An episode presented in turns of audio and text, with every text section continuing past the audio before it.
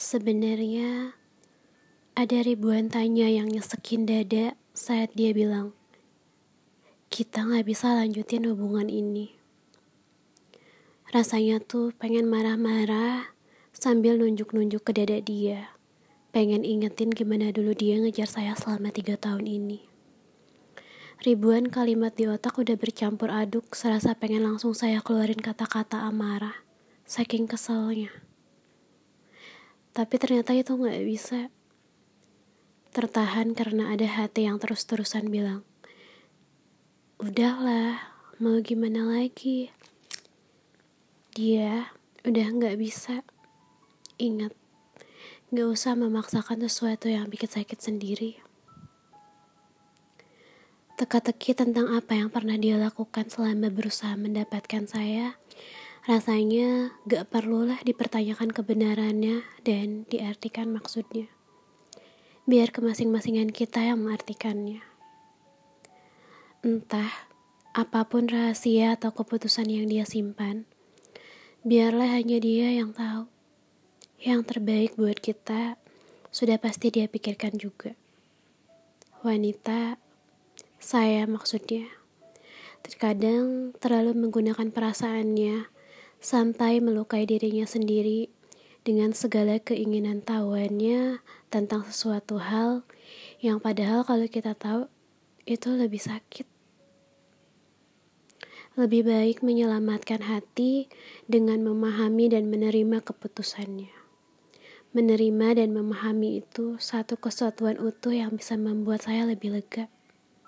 Walau berat, setidaknya saya memberikan haknya dia untuk menjadi manusia seutuhnya yang dihargai keputusannya.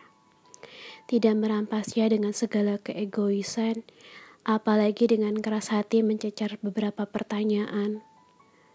Dengan kenapa, kenapa. Jadi, aku mengiyakan dengan satu tarikan napas ketika dia meminta mengakhiri hubungan ini. Walau sebenarnya setelah itu, hatiku porak-poranda. Dan itu normal bukan? Dirasakan setiap orang yang baru saja mengakhiri hubungan. Dan kita nggak perlulah berpikiran dan mendebak-nebak apakah dia merasakan hal yang sama seperti kita.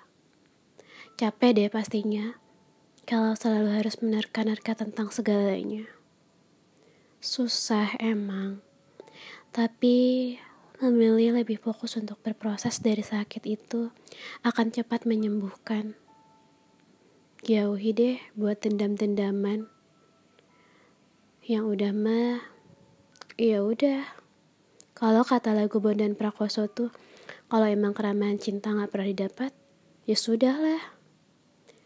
Emang tuh tiap kali kita patah hati, rasanya pengen ngutuk diri sendiri buat gak jatuh cinta lagi. Tapi nyatanya yang punya kuasa hati itu bukan kita, apalagi mereka. Seperti sama kata Pak Suciwo Tejo yang bilang, cinta itu gak bisa direncanakan untuk siapa. Emang, kalau udah berurusan dengan hati dan perasaan itu ribet. Makanya, logika juga harus bermain dan termanage dengan baik.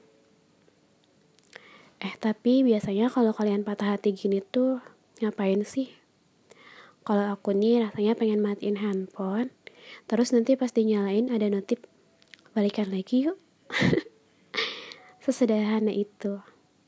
Eh, tapi enggak deh. Itu kali pertama kalinya patah hati pas waktu SMA. Pasti melakukan hal itu.